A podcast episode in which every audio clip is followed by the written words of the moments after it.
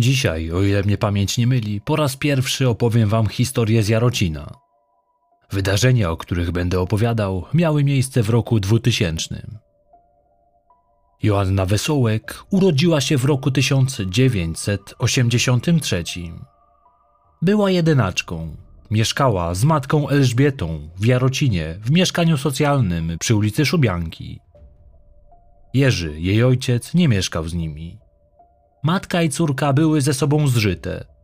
Kiedy Asia była jeszcze dziewczynką, spędzały ze sobą mnóstwo czasu.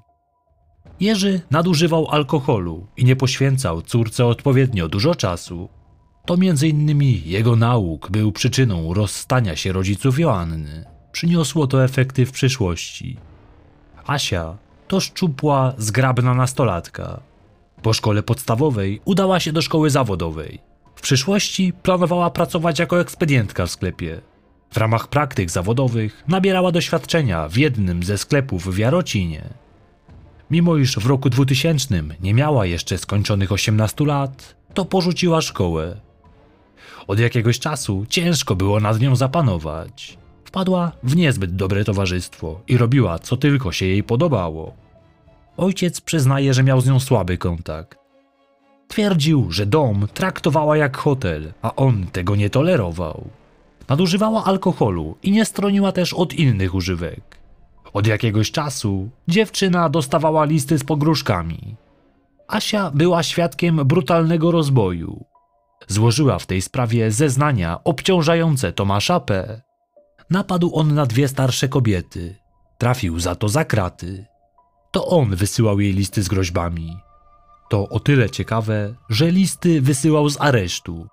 Miał do tego prawo, ale tego typu korespondencja jest sprawdzana zanim opuści mury więzienia. Jeśli ktoś czytał te listy przed wysłaniem, nie powinny one nawet dotrzeć do adresatki. Było jednak inaczej. Albo doszło do zaniedbania, albo jakiś funkcjonariusz więzienny celowo zezwalał na wysyłanie takich listów. A może prawda jest jeszcze inna? Może ktoś inny pisał listy, a przypisano to Tomaszowi P., by ewentualnie później na niego rzucić podejrzenie. Nigdy nie wykonano ekspertyzy grafologicznej tych listów. Nadawca pisał teksty w stylu Ty już nie żyjesz. W ostatnim czasie otrzymała kilkanaście tego typu listów. Asia mówiła matce, że wiedziała o szemranych interesach jarocińskich policjantów z lokalnym półświadkiem. Chodziło o handel narkotykami. Asia wiedziała, gdzie i z kim spotykali się funkcjonariusze. 30 dzień lipca 2000 roku była to niedziela. Tego dnia nastolatka spotkała się ze swoimi znajomymi prowadzącymi komis samochodowy w Jarocinie.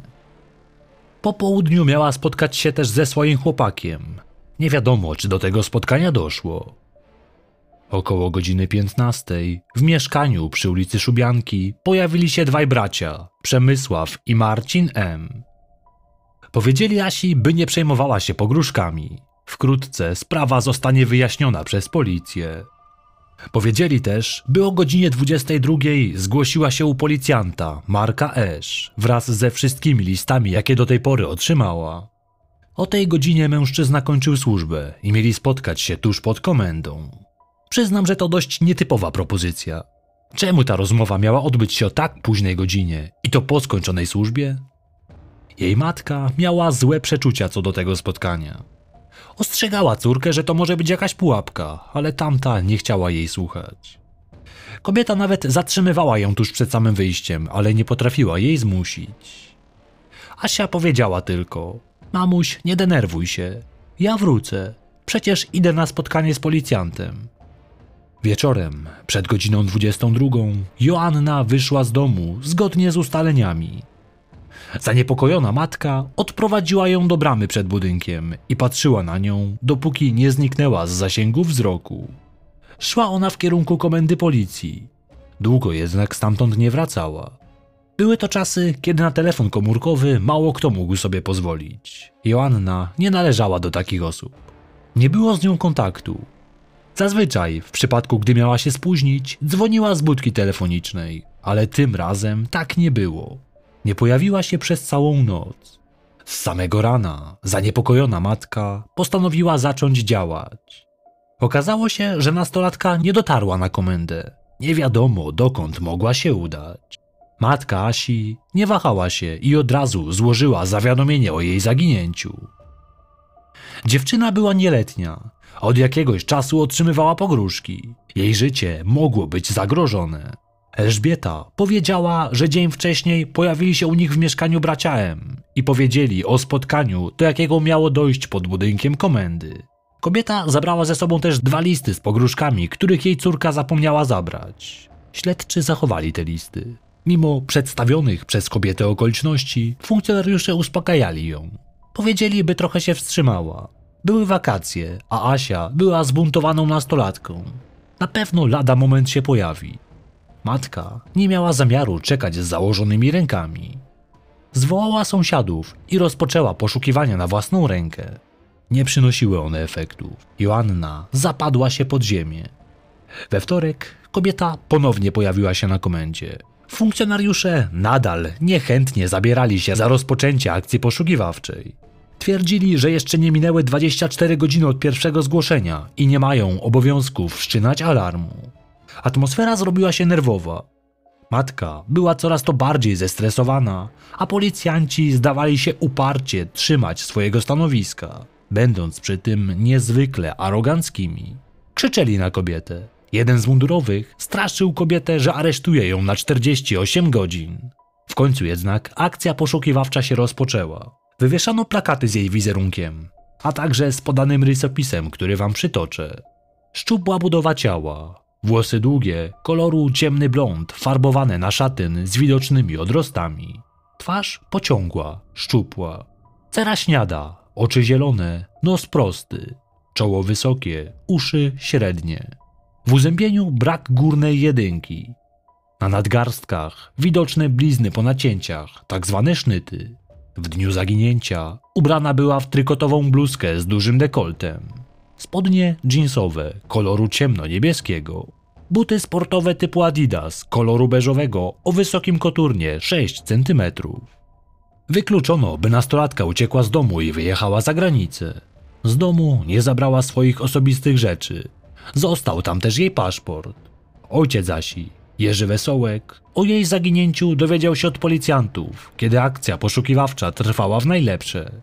Policjanci zaczepili go w trakcie spaceru z psem i zaczęli wypytywać o córkę. Mężczyzna nie miał pojęcia, gdzie mogła się znajdować. Rzadko się widywali. Nie widzieli się też w ostatnich dniach przed zaginięciem. Trwała akcja poszukiwawcza, a śledczy przesłuchiwali osoby mogące posiadać wiedzę na temat miejsca pobytu zaginionej. Pojawiały się głosy, że nastolatka ostatnio widziana była w jakimś samochodzie. Jednak w zależności od świadków auto różniło się. Podawano nawet numery rejestracyjne, ale wszystkie były one błędne. Nie zarejestrowano nawet aut z takimi numerami. Zarówno poszukiwania, jak i przesłuchiwania nie przynosiły efektów. Nikt z jej znajomych nie wiedział, dokąd mogła się udać Asia. Ojciec zaginionej rzucał podejrzenie na okoliczną społeczność romską. Asia utrzymywała z nimi kontakt i najbardziej prawdopodobne jego zdaniem było to, że ktoś z tamtych kręgów wiedział coś, czym nie dzielił się ze śledczymi. Policja sprawdziła ten trop, jednak dość szybko uznano, że Romowie nie mieli nic wspólnego z zaginięciem dziewczyny. Jerzy zgłosił się do programu Ktokolwiek widział, ktokolwiek wie. Liczył, że nagłośnienie zaginięcia Asi pomoże w ustaleniu tego, jaki los ją spotkał. Niestety nie przyniosło to efektu. Kuzynka zaginionej udała się do jasnowidza, szukając odpowiedzi na pytanie, co stało się z Joanną. Jasnowic powiedział jej, że wyjechała z Arabami, ale prędzej czy później pojawi się z powrotem. Rodzice mocno przeżywali całą sprawę. Zaginięcie dziecka to jedno z najbardziej traumatycznych wydarzeń, jakie może spotkać kogokolwiek. Jakby tego było mało, pani Elżbieta zaczęła otrzymywać groźby od ludzi należących do lokalnych grup przestępczych. Jej zdaniem mogło mieć to związek z dostarczonymi przez nią na policję listami z pogróżkami. Tylko skąd przestępcy wiedzieli, że je tam zaniosła? To potwierdza koligację przestępców z policją w Jarocinie. Dwa tygodnie po zaginięciu kilku mężczyzn próbowało się siłą dostać do mieszkania matki Asi. Nie udało im się, Wśród nich kobieta jednego rozpoznała. Był to Artur G. Według późniejszych ustaleń okazało się, że był on policyjnym informatorem. Mężczyźni pojawiali się pod drzwiami mieszkania kilkukrotnie. Byli wyposażeni w kije baseballowe. Grozili Elżbiecie, że skończy tak jak córka, cokolwiek to miało znaczyć. Kobieta złożyła zawiadomienie na policję. W tym przypadku organy ścigania zadziałały prawidłowo. Artura G. zatrzymano, a potem skazano go w związku z groźbami pozbawienia życia. Jego kompanów nie udało się ustalić. Artur usłyszał wyrok trzech lat pozbawienia wolności. Nie został on jednak przesłuchany w związku ze sprawą zaginięcia Joanny Wesołek. Czyżby prokuratura nie widziała żadnego powiązania? Im dłużej nie było przełomu, tym bardziej prawdopodobne było to, że nie mamy do czynienia z zaginięciem, ale z uprowadzeniem i zabójstwem. Po odsiedzeniu wyroku Artur G. wyprowadził się za granicę, a w sprawie zaginięcia przez cały czas nic się nie wyjaśniło. Pięć lat po zaginięciu Asi do jej matki zgłosił się pewien mężczyzna. Był to Adam G. Należał on w przeszłości do lokalnego półświadka. Przyznał się kobiecie, że był on świadkiem rozmowy policjantów z lokalnymi gangsterami. Rozmawiali oni na temat pozbycia się Asi. Gdyby mężczyzna zgłosił to oficjalnie, mogłoby dojść do przełomu, a jednocześnie do ogromnej sensacji. Jego zeznania wskazywały na współpracę policji z przestępcami, a nawet ich udział w zabójstwie nastolatki. Elżbieta zapytała go, czy może udać się do organów ścigania i czy wówczas on powtórzy to, co powiedział jej. Mężczyzna wyraził zgodę. Zgłosiła się zatem z tymi informacjami do prokuratury, jednak nie poczyniono żadnych kroków, by wyjaśnić tę kwestię. Nikt nigdy się do niej nie zwrócił. Najwidoczniej uznano, że to nic istotnego. Kolejne lata mijały, a losem zaginionej zdawali się przejmować już tylko nieliczni z jej najbliższego kręgu. W roku 2015, zgodnie z przepisami prawa, zakończono czynności poszukiwawcze. Dwa lata później, w roku 2017, ojciec Asi udzielił wywiadu w gazecie Jarocińskiej. Przyznał, że wewnętrznie czuje, że jego córka nie żyje. Jednak zanim jeszcze umrze, chciałby poznać prawdę i móc położyć kwiaty na grobie córki. Powiedział, że ta niepewność jest gorsza od najgorszej nawet prawdy. W czerwcu roku 2020 sprawą zainteresował się były policjant Jacek Dryjański, właściciel firmy zajmującej się poszukiwaniem zaginionych osób. Zaangażował się, ponieważ wcześniej obiecał rodzicom Asi, że zrobi co w jego mocy, by rozwiązać zagadkę jej zaginięcia. Po 20 latach od zaginięcia, Jerzy, za namową byłego funkcjonariusza, poprosił o wgląd w akta sprawy. Na odpowiedź czekał kilkadziesiąt dni. Otrzymał informację, że akta sprawy zaginięcia Joanny Wesołek mają klauzulę tajności i nie ma możliwości do ich wglądu. Z inicjatywy Jacka Dryjańskiego powstała nieoficjalna grupa śledcza mająca zająć się tą sprawą. W jej skład weszła m.in. mecenas Anna Szydłowska oraz dziennikarz śledczy z magazynu Ekspresu Reporterów Paweł Kaźmierczak. Prowadzili oni ponowne śledztwo, mające na celu rozwikłanie zagadki tego zaginięcia. Powstał odcinek programu na temat tej sprawy. Nadano mu tytuł Zaginiona. Praca nowej grupy przyniosła efekty. Wnioski były druzgocące. Zaginięcie Joanny Wesołek może mieć związek z przestępstwem. Rzucono podejrzenie na jarocińskich policjantów, pełniących służbę w czasie, kiedy doszło do zaginięcia. Z ustaleń śledztwa wynikało, że Joanna Wesołek miała wiedzę na temat kontaktów policji z tamtejszym półświadkiem. Gdyby podzieliła się tymi informacjami, zagroziłaby reputacji wielu ważnych osób. Czyżby w sprawę jej zaginięcia była zamieszana ta sama policja, która prowadziła potem poszukiwania? Jeśli tak było, to istnieją obawy, że mogło dojść do matactwa w kwestii poszukiwań. Im dłużej przyglądano się śledztwu prowadzonemu po zaginięciu, tym więcej pojawiało się wątpliwości co do działań policji. Już na samym początku tamtejsze organy ścigania wykazały się brakiem profesjonalizmu. Nie pobrano próbek DNA od rodziców zaginionej. Te mogły posłużyć w jej ewentualnym zidentyfikowaniu. Nie próbowano sprawdzać wątku rzekomego policjanta, który miał się spotkać z Asią. Sam fakt, że w sprawie pojawiła się możliwość, iż był w nią zamieszany ktoś z jarocińskiej policji, powoduje, że powinna ona zostać przekazana gdzie indziej. Nic takiego nie zrobiono. Okazuje się, że nawet nie pofatygowano się, by przesłuchać mężczyznę wysyłającego pogróżki Joannie Wesołek. Wiadomo, że przebywał on w tym czasie w areszcie, ale to nie znaczy, że nie miał żadnego związku z jej zaginięciem. Co jeszcze ciekawsze, wszystkie listy zginęły, nie wiadomo kiedy i nie wiadomo jak. Czyżby były one dla kogoś niewygodne? W listopadzie roku 2020 do prokuratury krajowej trafiło zawiadomienie w związku z uprowadzeniem i pozbawieniem życia Joanny Wesołek. Informacje zebrane przez Jacka Dryjańskiego i jego ekipę dawały podstawy do takiego właśnie kroku. Na tym etapie nie można było podawać szczegółów odnośnie osób, względem których prowadzone miało być postępowanie. Wiadomo tylko, że są to osoby, które mają poważanie w społeczeństwie, mają własne, dobrze prosperujące firmy. Dziennikarz śledczy z magazynu Ekspresu Reporterów próbował skontaktować się z Arturem G., który prawdopodobnie mógł mieć związek z zabójstwem nastolatki. Udało się do niego dodzwonić, ale mężczyzna, pytany o szczegóły, rozłączył się i więcej nie odbierał.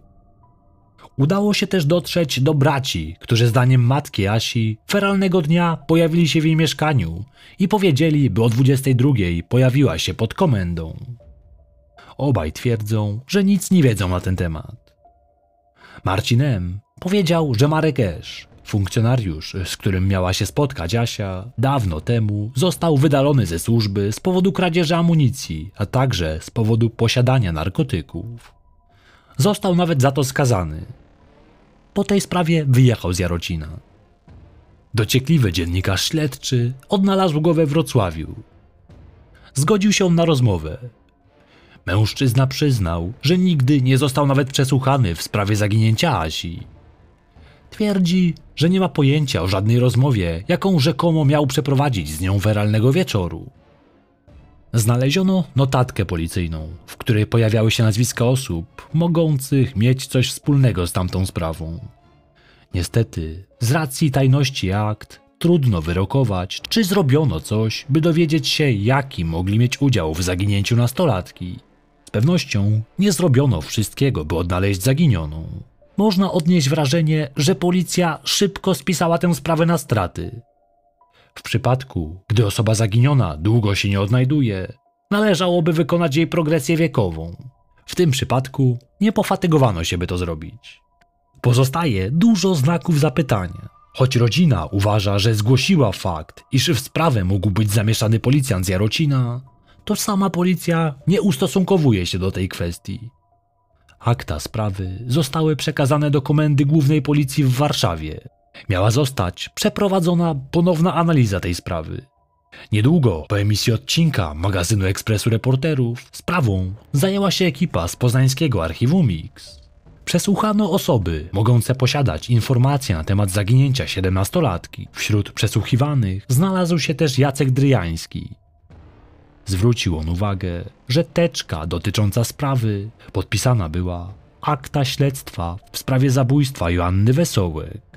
Zatem wiadomo, w jakim kierunku prowadzona jest ta sprawa. Śledztwo prowadzi prokuratura okręgowa w Ostrowie Wielkopolskim.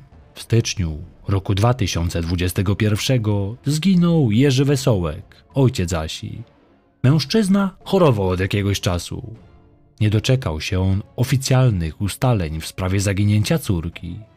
W marcu roku 2021 Przeszukiwano tereny oddalone od Jarocina o około 10 kilometrów. Śledczy otrzymali informację, że w tamtym miejscu mogły zostać zakopane zwłoki Joanny. W poszukiwaniach wykorzystano georadar. Przeczesywanie terenu nie przyniosło jednak efektów. Jacek Driański miał jednak wątpliwości co do rzetelności przeprowadzonych poszukiwań.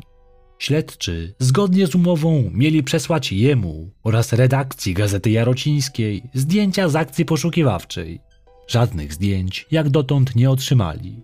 W roku 2021 śledczy podobno dotarli do miejsca, w którym była przetrzymywana i została zamordowana Joanna. Ze względu na dobro śledztwa nie ujawniono wielu szczegółów. Wyjawiono, że zostały zabezpieczone ślady DNA. Miały one zostać sprawdzone w laboratorium. Dziś, mimo że od tego sensacyjnego znaleziska minęły dwa lata, nie podano żadnych informacji. Zatem należy przyjąć, że nie przyniosło to żadnego przełomu. Dotarłem do informacji, że trwały prace nad książką dotyczącą tej sprawy. Nie wiem jednak, czy udało się ten projekt zrealizować i czy książka kiedykolwiek się pojawi. Jeśli tak będzie, na pewno dam wam znać. Pani Elżbieta postanowiła przestać udzielać się medialnie na temat sprawy zaginięcia córki. Poprosił ją o to jej aktualny mąż. Jest to o tyle ciekawe, że ten mężczyzna jest znajomym jednego z policjantów pracujących w roku 2000 na komendzie w Jarocinie. Dlaczego Joanna Wesołek zaginęła, a najprawdopodobniej została zamordowana? Jej matka nie ma wątpliwości, że za dużo wiedziała i dlatego zdecydowano się jej pozbyć. Najprawdopodobniej w sprawę zamieszani są ludzie z policji, którzy powinni stać na straży prawa. Oni jednak, zamiast łapać przestępców, współpracowali z nimi, jednocześnie stając się takimi jak oni. Do dziś nie wiemy, na jakim etapie jest śledztwo prowadzone przez archiwum X. Czy sprawa doczeka się finału?